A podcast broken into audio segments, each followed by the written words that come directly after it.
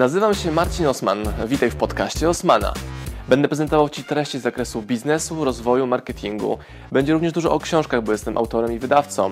Celem mojego podcastu jest to, żebyś zdobywał praktyczną wiedzę. A zatem słuchaj i działaj. Marcin Osman. Cześć YouTube, cześć YouTube, cześć YouTube. Dzisiaj będziemy odpowiadali na Wasze pytania. Czy nie pytania YouTube'a, ale na pytania Instagrama. Zadałem dzisiaj na Instagramie pytanie o pytania do mnie. I jest tego całkiem sporo i w tym odcinku odniosę się do większości pytań, które zadali mi Instagramowcy. Gdybyście chcieli również takie Q&A dedykowane YouTube'owi, no problem zrobimy wtedy listę pytań dedykowaną YouTube'owi. Ale teraz lecimy z pierwszym pytaniem. Jest to pytanie od Michała Goleca. Michał Golec pyta tak. Otwierasz firmę, nie wiesz, czy się utrzyma z konkurencją. Badasz rynek, czy otwierasz i działasz? Ja zrobiłem to dwa sposoby. Moją pierwszą firmę po prostu otwarłem. Czyli wynająłem biuro, zatrudniłem ludzi i zacząłem szukać klientów. I to wychodziło całkiem dobrze, natomiast wymagało ogromnie dużo energii, generowało stres i nie dawało żadnej gwarancji pewności, jak długo ten biznes będzie w stanie funkcjonować.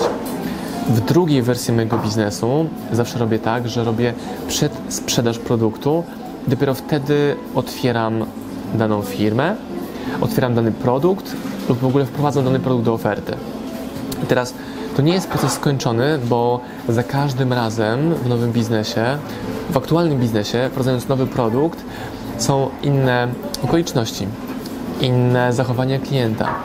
U mnie wielokrotnie klienci dziwili mnie tym, że na przykład książkę, którą chcę wydać, oni przyjmują znacznie mniejszym entuzjazmem niż mi się to wydawało, a czasami jest odwrotnie, że książkę, którą ja postrzegam jako książkę dobrą, ale nie książkę wow, klienci wypytują, kiedy będzie, kiedy będzie. Mamy kilka takich tytułów, gdzie klient wypytuje o to, kiedy będzie, kiedy będzie, więc popyt z rynku jest znacznie większy niż moja estymacja tego, że aż tak duże zapotrzebowanie może na to być. Czy odpowiadając na pytanie Michała tak konkretnie, nigdy nie wiesz, czy firma się utrzyma. Jest to w Twojej kontroli, ale nie wszystko. Ona utrzyma się po pierwsze, jeśli będą klienci, jeśli będziesz potrafił ich znaleźć, przekonać, ale przede wszystkim utrzyma się wtedy, jeżeli Twoje koszty stałe nie przekroczą przychodów, czyli słabszy miesiąc ze stałymi kosztami nie zje marży czy zysku wygenerowanego miesiąc wcześniej i na to bym większą uwagę zwrócił. Kuba Domanus pyta, w jakim programie robimy infografiki? Infografiki robimy w programie PowerPoint. Infografiki robi dla nas e, Bartek, Kuba, Piotrek i oni robią to w programach graficznych takich jak na przykład jakieś Photoshopy. Ale takie infografiki z powodzeniem można robić w PowerPoincie, bo składają się one z gotowych elementów, czyli możesz sobie wejść na depozyt foto, tam sobie wybrać e, obiekty, grafiki, ikony, emblematy i z tego budujesz infografikę. Ważniejszą rzeczą niż elementy graficzne jest wybranie odpowiednich merytorycznych porcji tej wiedzy, czyli u nas istotne jest to, to że oglądając wideo, które nagrałem, e, osoba, która tworzy infografikę, wybiera taką główną esencję tego wideo. I to robi całą robotę, a nie sama szata graficzna. Możecie sobie zobaczyć na przykład e, infografiki czy takie notatki robione przez Pawlikowską. Ona robi odręczne rysunki, to są dla niej bardzo charakterystyczne. I myślę, że Kuba, pod tym pytaniem głębiej kryje się tak naprawdę pytanie, czemu teraz nie robisz tych grafik, albo czemu bagatelizowałeś taki program jak PowerPoint, no bo samo wykonanie jest bardzo proste. Ważne, żebyś nie skupiał się zbyt długo na szukaniu idealnego programu, tylko rozpoczął z Paintem, PowerPointem, a nie zdobywaniu umiejętności Photoshopa, żeby robić takie turbo wypasione infografiki. Dla klientów nie jest to potrzebne, dla widzów nie jest to potrzebne, a największy efekt dla Ciebie zrobi po prostu publikowanie w sposób bardzo natywny i dla nich przydatny tych treści. Idziemy z kolejnym pytaniem. Jacek Jodłowski, Jodlowski pyta, czy będąc UK język medium tworzyć fanpage, blog w celu swojej promocji po angielsku czy po polsku? Czy będąc w UK język medium, jaki język tworzyć? Domyślam się, że chodzi o w tym pytaniu, jakiego języka komunikacji używać na swoich socialach. No to odpowiedź jest bardzo prosta. Języka, jakiego używają Twoi obecni klienci. Jeżeli chcesz pozyskiwać nowych klientów w innym języku, to to całkowicie inna gra I wtedy rekomenduję znowu przestawienie się na język, w jakim mówi Twój klient. Jestem fanem strategii, że sięgam po klientów, których mam wokół siebie tu i teraz, czyli w moim przypadku klientów, klientów polskojęzycznych. Na poziomie ambicji czy ego to fajnie było mieć klientów anglojęzycznych, ale my na przykład wysyłamy polskie produkty do UK, więc też tą niszę Polonii, która potrzebuje książek po polsku, wypełniamy. Więc jakiego języka używać? W social mediach zawsze języka komunikacji klienta, do którego chcesz dotrzeć. Dalej. Michael Mountain Group pyta. Gary chce kupić Jetsów, a ty masz jakiś cel? Czyli chodzi o to, że Gary Vaynerchuk często komunikuje, że jego celem życia jest kupić drużynę New York Jets, a mnie Michał, zapytuje, jaki jest mój cel. Mój cel to nie konkretne punkty na checkliście, ale prowadzenie takiego lifestyle'u, który w danym momencie życia jest mi potrzebny, przydatny i który chcę. Czyli teraz sobie bardzo cenię to, że mogę spędzać dużo czasu z córką e, versus tworzenie biznesu, który wymaga ode mnie siedzenia w biurze. Bardzo cenię sobie to, że mam platformy social mediowe, mailingowe, webinarowe, które ściągają tysiące ludzi i te tysiące zamieniają się na setki zamówień i to powoduje, że mój biznes się rozwija. Więc moim celem na poziomie makro jest posiadanie takich własnych narzędzi sprzedaży i społeczności, które powodują, że klient od razu chce mnie kupić, bo ufa mi jako Marcinowi, czyli bardzo mocny brand, więc to jest mój cel. Teraz, jeżeli ten cel będzie zrealizowany, czy będą narzędzia sprzedaży, które będą miały jeszcze większą skalę, jeszcze większą skalę, wtedy bardzo łatwo będzie mi sprzedawać i będę mógł jeszcze więcej czasu poświęcać na rozwijanie projektów, nowych projektów, nowe eksperymenty, zorganizowanie hotelu na Bali albo agroturystyki w Bieszczadach. Takie projekty nie stricte biznesowe, to będą finansowane przez aktywności, które są w 100% ukierunkowane na zysk, czyli jak na przykład moja działalność e-commerce'owa w internetach. Pytanie od Table, Table Tennis Experts. Kiedy będę w Gdańsku? Do Gdańska się nie wybieram, ale to pytanie pogłębię, czy tam odpowiedź pogłębię. Moim centrum interesów życiowych, to gdzie przybywam najczęściej jest Warszawa i Lublin i w tych miastach dwóch poruszamy się najczęściej. Mamy sporo wyjazdów do Poznania, natomiast nie robimy tak, że celowo planujemy sobie wyjazd i spotkanie z czytelnikami do Gdańska. Inną rzeczą jest, gdy klient u mnie zamówi dedykowany projekt i prosi, żebym przyjechał do niego na dzień, dwa, trzy i pracował z całą jego firmą. Wtedy odległość nie ma żadnego znaczenia, bo też zasadność budżetowa jest tutaj zachowana. Chyba, żebyśmy jechali na wyjazd prywatny do Gdańska, a tego jeszcze nie planujemy, to wtedy wokół takiej aktywności to Gdańsk, to może być Zakopane, mogą być Suwałki, Wokół tego planujemy również inne aktywności, jak na przykład spotkanie się z czytelnikami w danym miejscu. Wtedy komunikujemy na socialach, że hej, jesteśmy w Gdańsku, w Łodawie, Krakowie i jak chcesz, to możesz paść w piątek wieczór, we wtorek południe, tam gdzie będziemy, przykład do kafejki lokalnej, możemy się pokolegować i najczęściej ma to formę Q&A, spotkań, kolegowania się i często nagrywamy na tym również e, vlogi czy materiały wideo, które później YouTube może oglądać. Kolejne pytanie od K. Kaliszewska. Jak opakować wiedzę, by była zjadliwa dla ludzi nie z branży? Jakich form użyć oprócz wideo? Dobra. W takim razie pierwsze pytanie, dlaczego w ogóle skupiać mielibyśmy się na branży? No bo pytasz dla nie branży, no to po co w ogóle komunikować do branży? A nie branża to dla mnie klienci, czyli komunikowanie językiem klientów. Ja na przykład nie występuję na konferencjach marketingowych, nie zabiegam o występy na konferencjach marketingowych, przecież powinienem to robić, no bo żyję z marketingu i sprzedaży online. Natomiast skupiam się na tym, żeby jeszcze lepiej rozumieć moich klientów i to lepsze rozumienie wyraża się w czytaniu komentarzy tego, co oni piszą. I mam dużo e, negatywnych czy hejterskich komentarzy, które nie są atakiem Marcina Osmana, znaczy po części są, natomiast one wynikają stąd, że ludzie nie rozumieją, o co mi chodzi w moim wideo, o co chodzi w moim podejściu przedsiębiorczym i nie rozumieją, dlaczego warto byłoby zaufać mojej rekomendacji, więc wtedy moją rolą jest to, żeby dokładnie im wytłumaczyć, o co mi chodziło, teraz prostszym językiem.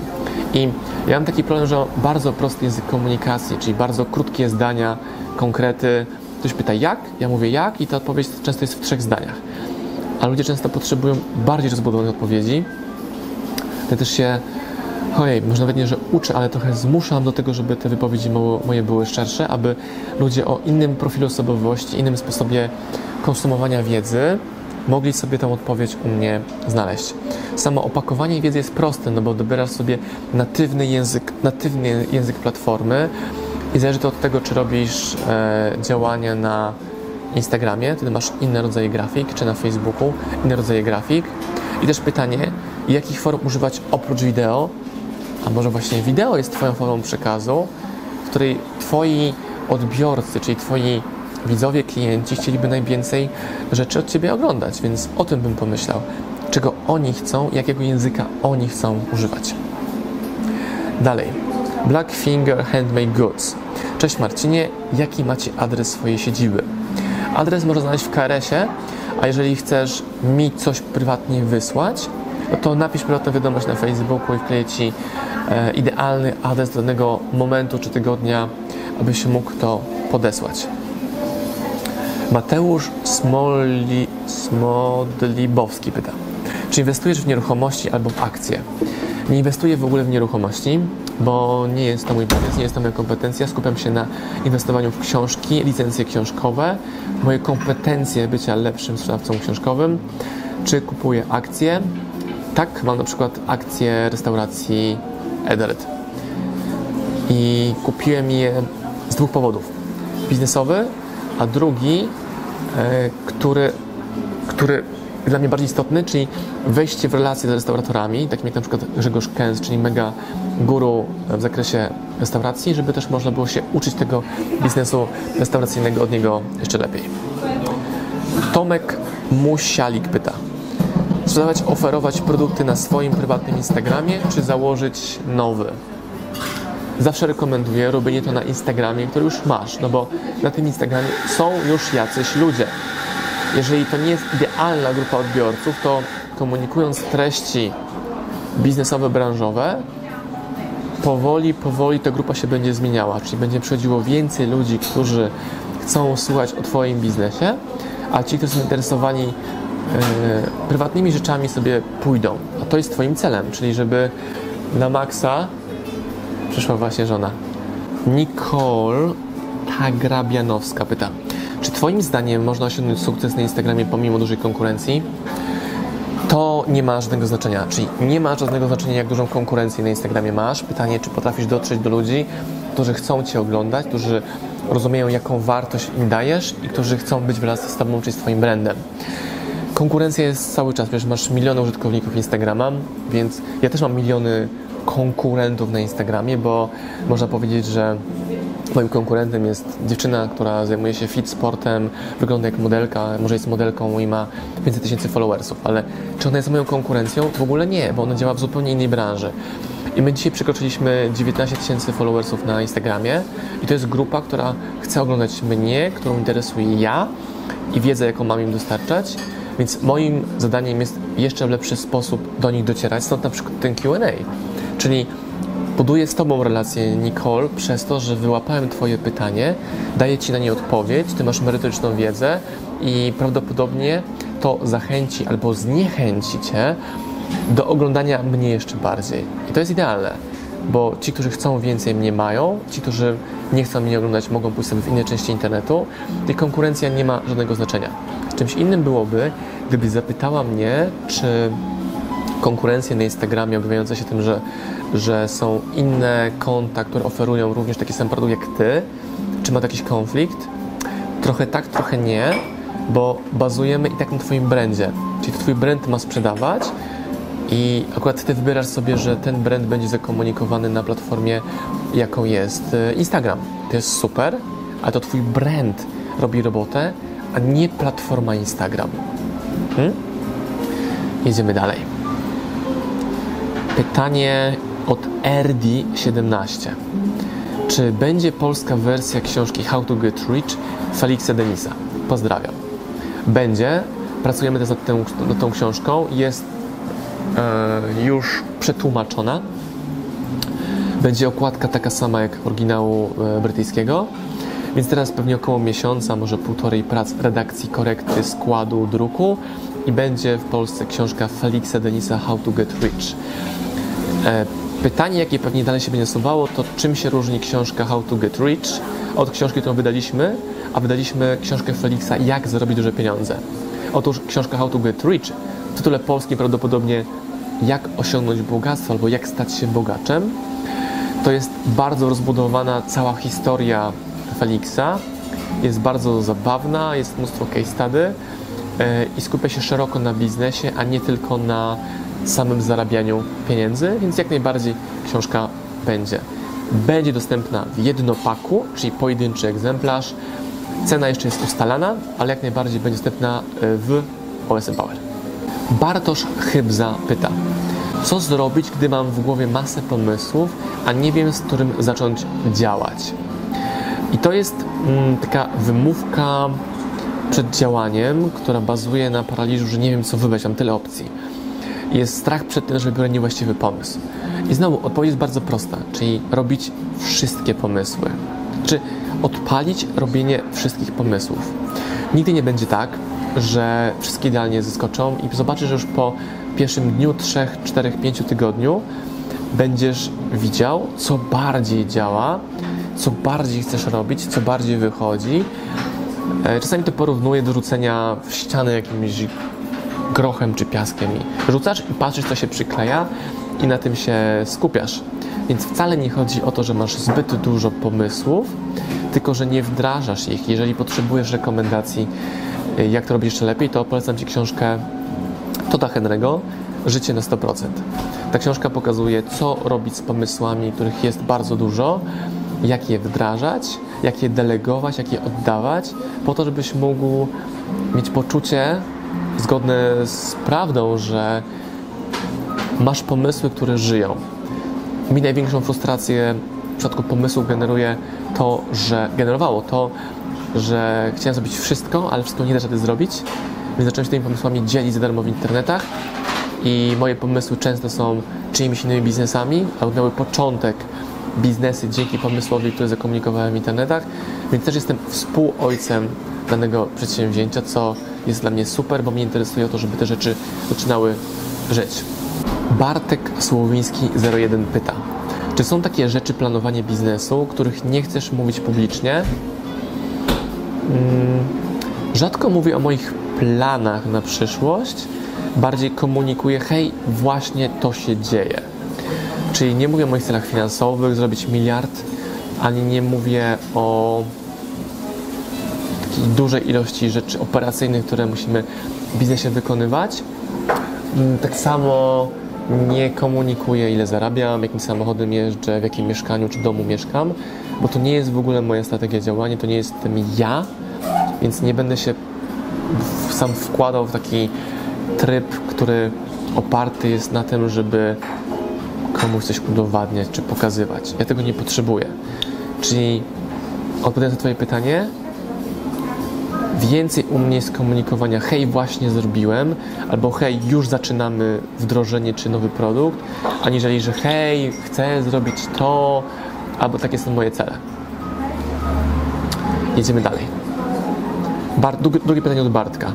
Czy wiesz, w jakim kierunku chcesz teraz rozwijać swój brand? Jeśli tak, to w jakim? No, mój brand to Marcin Osman, czyli osoba, która pomaga Wam, moim widzom i słuchaczom, wnosić Wasze biznesy na wyższy poziom dzięki praktycznej, konkretnej wiedzy, a często też się okazuje, że inspiracja i motywacja, jaka z tego wynika, do rozwoju Waszych biznesów, Waszego życia. I teraz, jeżeli ten brand, to obietnica brandu, czyli pomogę Ci rozwinąć swój biznes, Twój biznes, pomogę Ci wejść na wyższy poziom przedsiębiorczości, jest spełniona, wtedy ja realizuję również swoje cele biznesowe, bo Wy mi bardziej ufacie, no bo macie więcej powodów, żeby ufać, bo to, co mówię, działa. Do tego to, co mówię, działa u Was, wdrożyliście i zadziałało również u Was. I to jest cel mojego brandu. A na poziomie biznesu, żeby był jeszcze mocniejszy, przez co ja rozumiem, że jeśli komunikuję, hej, jest nowy produkt, no to Wy jeszcze bardziej za tym podążacie, bo mi po prostu ufacie. Bo zaufanie, relacja między nami jest na maksa ważna i dlatego tworzę to wideo, żeby zbudować z Wami jeszcze większą, głębszą relację, dając Wam odpowiedź na pytania, jak możecie Wy lepiej uczyć się na przykład na moich case'ach i lepiej swoje biznesy rozwijać. Pozdrawiam Was, moi drodzy podcasterzy, słuchacze mojego podcastu. Dziękuję, jestem Wam na maksa wdzięczny za to, że mogę z Wami spędzać czas w podróży, po to, abyście mogli ode mnie się uczyć i ja, żebym mógł budować z Wami relacje, będąc w Waszych uszach, Waszych samochodach, Waszych podróżach.